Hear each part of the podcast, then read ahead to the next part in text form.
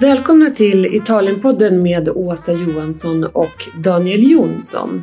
Idag ska vi åka till Bolgheri, vindistriktet i södra Toscana längs kusten där man gör några av världens mest berömda viner. Till exempel Sassicaia, Maceto, Il Paleo, Ornellaia. Eh, det här är en region som bjuder på vacker natur, mat från både hav och land men är också ett unikt samarbete mellan adel och jordbrukare som tillsammans har skapat det som kan liknas vid ett italienskt mirakel. Det hela började på 1930-talet när Eh, den adliga familjen Gradesca som ägde stora marker i området. När två av döttrarna i familjen gifte sig och marken i Bolgeri delades upp i två delar som bröllopsgåva. Döttrarna Clarice och Carlotta de gifte sig med Mario Incisa della Rocchetta och Niccolò Antinori. Två personer som skulle komma att revolutionera den italienska vinvärlden. Mario Incisa della Rocchetta han eh, älskade hästar och han födde upp hästar på gården Tenuta San Guido. Han älskade också franska viner. Eh, problemet var att vid den här tiden gjorde man vita och roséviner i Bolgeri, nästan inga röda.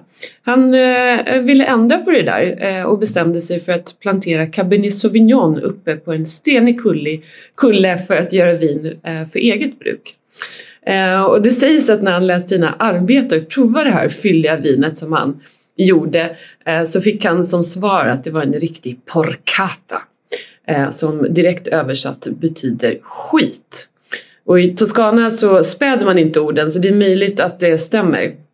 Eh, men han lät också sin svåger och granne Niccolò Antinori prova vinet. Och med under provningen fanns också Niccolòs unge son Piero Antinori. Och eh, han blev nyfiken. Han frågade om han fick jobba vidare och utveckla vinet och det fick han. Och det skulle bli en succé. Eh, och idag så är det svårt eh, eh att förstå att fram tills på 1800-talet i Bolger och längs den toskanska kusten så fanns det mest banditer och malariamyggor. Eh, området lite längre söderut kallas ju för Maremma och det är ju faktiskt ett eh, skällsord eh, i Toscana. Eh, men under 1800-talet så var det pirater som angrep kusten, sumpmarker som gjorde området otillgängligt och fattigt. Och invånarna byggde byar uppe på topparna av kullarna så att vinden skulle blåsa bort de farliga malariamyggorna.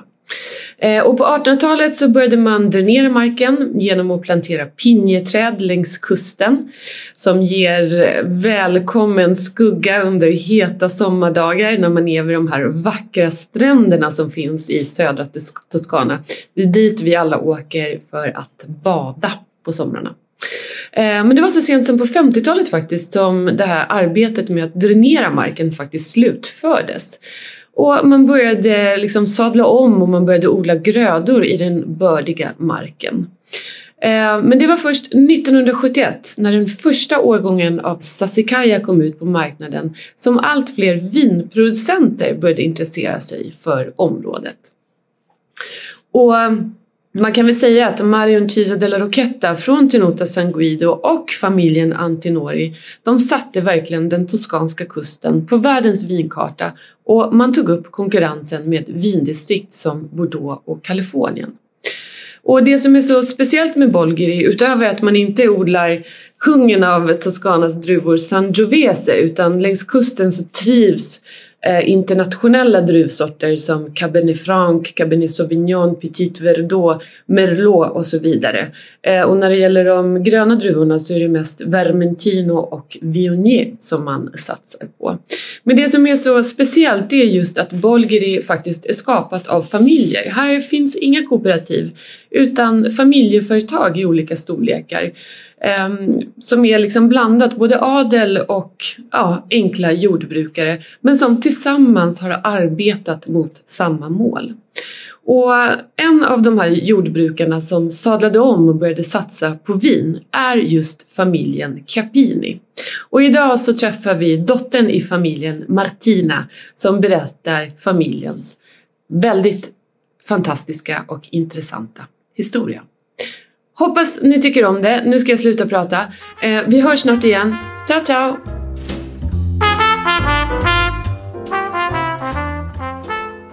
thank you to be here. I'm Martina Chiappini and I belong to the family Chiappini.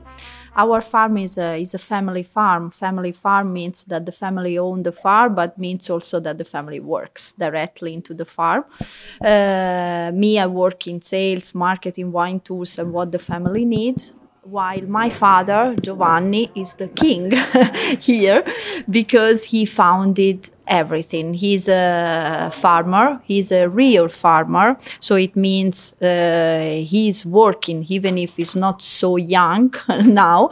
He's working uh, into the fields, into the cellar. And then now we have also the help of my si- sister Lisa, that after uh, several years in uh, other countries, uh, she decided to come back here. So he's a, he's a good, he's an important help. And then the real boss is my mother that's the accountant, as all the Italian family. um, we don't know when we started because my grandfather, the father of my grandfather, they were farmers. But my family came here in Bolgheri mm, during the 50s. Uh, 1950s. See, mm, for uh, social and economic situ- um, re- reasons. They came from Marche, that's another uh, region on the Adriatic coast. Uh, they came because in Marche there were a lot of farmers, but not so many uh, lands to work, wa- to farming, uh, to farm. But here in Bolgheri, uh, the, there was the opposite si- situation. So a lot of lands, but no farmers. How, how, how come? Because today we think about Bolgheri as a kind of a luxurious location, very important wines, the super Tuscans. It's expensive, uh, very famous, like Ornellaia, Sassicaia, some of the most famous wines in the world. So when I hear that in the 1950s, no one wanted to farm the land, how, how was the situation here? Because we were just after the war and uh, the government, the Italian government decided to uh, tax, to make, to make an important taxation for big proprietors. And and uh, so noble families okay maybe you can cut something yeah. okay noble families uh, is, to avoid this important taxation they decided to sell uh, lands here uh, Tuscan uh, inhabitants mm, they prefer to move from the countryside to the villages. In fact, most of the, the old farmers from uh, this area now they are living in uh, Donoratico or in Castagneto Carducci. Uh, and then uh, about 60 families from Ma- Marche uh, came here. They bought uh, about 600 hectares, so about 10 hectares per family, and they start to farm. Mm. And they they knew each other from Le Marche. Si, si, yes. They came from the same si, village, yeah. so they just took everything and moved here yeah, to yeah, try to get a better life. Yeah, yeah, right. When they came here, they were mm, yeah almost poor, mm. and uh, so everything was uh, was created little by little, step by step working hard. It's quite common to say that people from Marche are uh, very hard workers. Mm. And uh, yeah, and my father, when he came here, he was just two years old. So he was born in Marche, but of course he uh, he grew up here. And what did they grow? What what did they live by? What did they start to cultivate here? Uh, the old farm from my grandparents was not here was uh, was still in Bolgheri, but more in direction of the coast so about uh, 2 kilometers far from here. And my grandparents were and my father also at the beginning they were more general farmers. So they produced uh, wine but they produced mainly vegetables corn fruits. Then my father in 1978 when he was just 24 years old he uh, decided to buy uh, where we are now. So his first piece of land. So at the beginning, he bought just five hectares, and little by little, step by step, he increased uh, his farm, and he decided to specialize in high quality wines. And now here we are. Mm-hmm. and so he kind of understood that this was the future. The first vintage of Sassicaia came in 1968. Yes. So it was like 10 years after. Did he understand the potential of the area or did he just want to do something different or? to be honest, I don't know. because, no, uh, because uh, my father is usual to say that he felt in love with this area.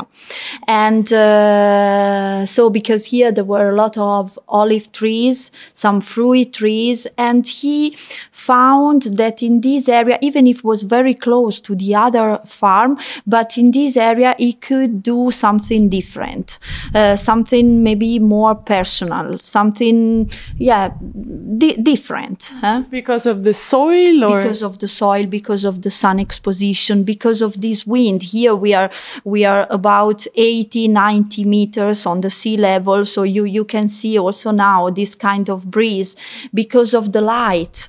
Uh, here we are surrounded by the hills and the, the, the coast that, that is in front of us is almost like a mirror. And we have this particular light. And then, yes, the characteristic of the soil. Here we have uh, an important presence of uh, mineral stones because uh, alluvional stones because they came down directly from the hills. Mm. And then uh, at the end of uh, the 80s, the beginning of 90s, he decided to start to plant some new vines because at the beginning he had to uh, work hard to pay, you know, this uh, this investment. Mm. And the closer to the sea, just to make our listeners understand, it's more sandy sea. soil. So the yeah. closer you are to um, to the mountains, so further away from the coast, it's it's more clay and yeah, more mineral right. soils. Right. Um, and when is when did your first label? Uh, when was 99. Yes, mm. 99. And uh, the first vintage of Guado de Gemoli, that's our flagship wine, arrived in 2000. Mm. So one year later. And what kind of grace? Because this is the land of super Tuscans. The Tuscan Sangiovese doesn't like it over here. It's too close to the beach and too much sunshine. Yes, right. so, right. what uh, grape varieties do you have? Our main grape varieties are, of course, typical Bolgheri varieties. Uh, so, Cabernet Sauvignon, that I can say is representing our tradition, if I can use this word in Bolgheri. Cabernet Franc, that maybe is our future. Then we have Merlot, we have Petit Verdot. Uh, uh, and we are one of the few crazy producers with a little bit of Sangiovese. We have just a little bit, less than one hectare, but we have it. Mm. And why do you think? Because more and more producers in Bolgheri are um, betting on Cabernet Franc, and and how how come? Cabernet Franc. Yeah uh, I think we have to always to say thank you to an important winery, an important family, an important person that is just uh, in front of us, that is Le Macchiole. So Eugenio Campolmi first and Cinzia Merli now because they uh, believe uh, a lot in this grape. Um, mm. So we have always to say, I think while for all the, the appellations, so for Bolgheri brands, we have to say thank you to at first to Incisa uh, for the Sassicaia wine, and then of, of course we have other important brands such as Ornellaia or Guado al Tasso. Uh, I think for Cabernet Franc we have to say thank you to Le Macchiole. Yeah, she was, uh, um, or, or Le Macchiole, they made the first 100% Cabernet yeah. Franc, and now I guess also with climate change, yeah. Uh, it's coming more and more, and it's a wonderful expression because when you think about Cabernet Franc, if you have tried the ones from the Loire, or this is completely different. It's very full bodied and rich and has none of the green tones that no. you kind of connect with. I with think, Cabernet Franc. Yeah, right. I think that Cabernet Franc here in Bolgheri, yeah, is, is, full body, is rich, but in the same time is also fresh and elegant. I think this kind of green taste that, especially in other areas or up to the north of Italy, is sometimes is too strong, too aggressive. Here in Bolgheri, is transformed in freshness and elegance. Mm. And uh, of course is very helpful for us because it make wines uh, also more easy, more drinkable, permit this um, word, while for Cabernet Sauvignon, we have to wait a little bit more. Cabernet Sauvignon maybe is more masculine because it needs more time to grow, while Cabernet Franc maybe is more feminine. Yeah. Uh, that's that's yeah that's a good description. Um, how how just to go back to now your sister's coming. Huh? hello. Ciao. Um, yeah this is a family winery yes. as as we said before. Um, but just to go back to your story um, what about you? Was it obvious that you would join the family business or did you have other dreams and no everything for me was natural I think like for my sister, but uh, I studied international marketing, and uh, I had some experience, uh, some experiences in other uh, company and also in other wine companies. But also during my uh, study, I understood that my future uh, has to be in here. And uh, so after my graduation, I make yeah other experiences, and then I decided to come back home, so to to come here, and uh, everything was quite natural. So I think my parents didn't force us uh, to come back, mm. so everything was uh, na natural. Mm. And uh, when did your and you and your family understand that? That wine could be the future because you we hear about um, your humble background uh, and a lot of hard work. And today we sit here and you have this beautiful buildings and um, you have an agriturismo where you can stay with a swimming pool and it's very neat and tidy. And you would when you come here you wouldn't expect that in such a short time you have made this journey. So is there like a breaking point when something happens and you kind of reach a new market or? I think that um, we are also very lucky to be here because it's true that we are in Bolgheri, but it's also true that we are uh, in the in the heart of DOC Bolgheri. So um, I mean, for wine production, of course, but also in terms of we are in, in, in a pretty area. And uh, yeah, as you told, our farm is uh, is small, is family farm, but is anyway uh, not difficult. But is uh, we have different kind of activities here. Uh, agriturismo. In reality, we started uh, to um, host people at the beginning of 90s. My father, yeah, th- that's why I don't know if my my father was uh, lucky uh, or was a person who can uh, say the future, who can see the future, but he decided to invest immediately, even in hosting pe- people. We are, I think, the license number four here. And then, of course, with the time, we increased and we changed a little bit uh, uh, the situation. We built a new building. Now we have a new cellar. Even the um, rooms, the accommodation are a little bit uh, different. So we are able to host people uh, without losing anyway our uh, characteristic. For us, it's very, very important that our farm could be also in the future a family farm because we are is our strength. We are farmers and we are in an area of uh, important families, important brands, noble families, and maybe we are the, the last farmers here in Bolgheri. And yeah, is our power. Mm. Mm. That's interesting. And you also uh, you have two children. Yeah. Uh, they're 15 and and 12. Yeah. Do they show any interest in the winery or in the business, or do they have other thoughts for the moment? oh, you know, we, they are in a strange age. I think you can understand me. Yeah, uh, yeah, yeah. But you have girls, right? Yeah, that's why. I have boys, so it's much easier. yeah, for you. I have a girl of 15 and a boy of 13. And uh, no, they are, um, anyway, they are quite interested. But I try to do what my family, what my parents did with uh, me. So I try to not force them. So yeah, of course, I will be very proud if they could follow our dream, but I hope that they will follow their dream anyway. Mm. So that's, that's that's great.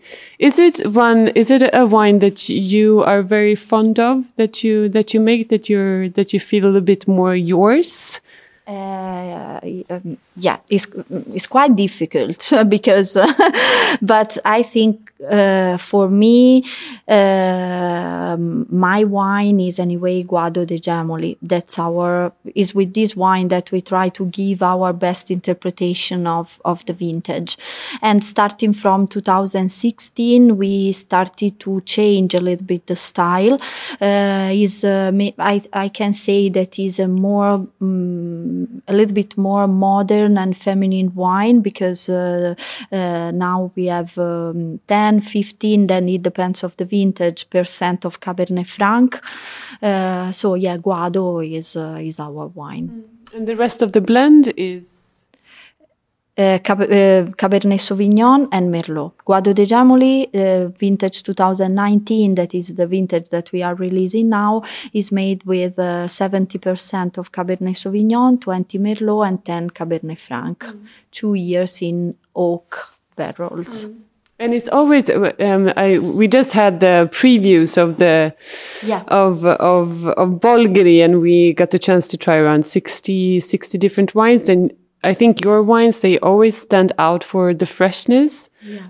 uh, and the elegance. They never point on power, and I'm I'm a big fan of your winery. You know that, and and and and your wines, and also your your story because it's so incredible that you have made this journey and you're still so humble with the feet on the ground and uh, yeah it's it's really amazing but your wines stand out for that for the elegancy and the freshness yeah, that's uh, yeah th thank you and that's our aim. I think that the wine is anyway uh, is good when you can enjoy it, when you can drink it easily a bottle. And uh, I think that now times are changed. Now uh, we have to focus on the elegance, on the freshness, on the acidity. We are very lucky to be here because uh, this kind of soil plus this kind of weather, this wind help us. But then of course we have to uh, interpret anyway what the nature want to give us. Mm. Uh, ah, uh, we maybe I, I did, didn't told you, but we are um, organic winery, so we don't use any chemics into the vines and into the cellar. That's nice.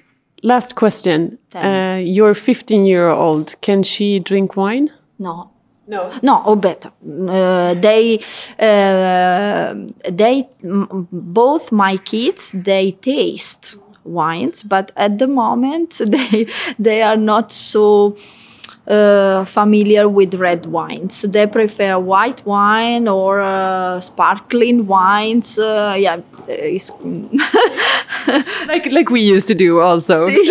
but I uh, when um, they are here or when we go uh, outside to have dinner and we taste wine, I uh, always suggest them to taste wine because you know wines for us belongs to our tradition is our culture so i i ask them to uh, try to understand what they smell what they drink and then maybe when they will have the age also even me i started to drink wine when i was 19 or 20 years old so not before before yes i uh, i tried but uh, yeah. that's it. Yeah, no, it's interesting because in Sweden it's seen very much as alcohol and not as culture. Yeah. So um, it's interesting. I was so proud when my son could um, feel the difference between a Chardonnay and a Sauvignon Blanc. Wow. And I like, I don't care about your math test. This is really important. Wow. so he might might be have a future in Tuscany. Yeah, good. no, but for instance, mine they try to. Um, pair the wine with the food. Yeah. That's uh, that's ambitious. Yes, be because for us, when I say that wine belongs to our culture, is also because yeah, we have to enjoy wine, good wine, also with the good meal, and sure. so yeah, food and wine. That's yeah. that's the joy in life, kind of, at least for us. It's a great combo. Yeah. Wonderful. Thank you so much. I know that you're about to prepare a journey to California in the upcoming days, so I will leave you to your preparations. But thank, uh, thank you so much for taking your time. Thank you, Asa, to be here. And uh, yeah, I hope to see you again soon. Now your sister is coming again, so we say ciao ciao to both. Ciao ciao! Grazie. Ciao!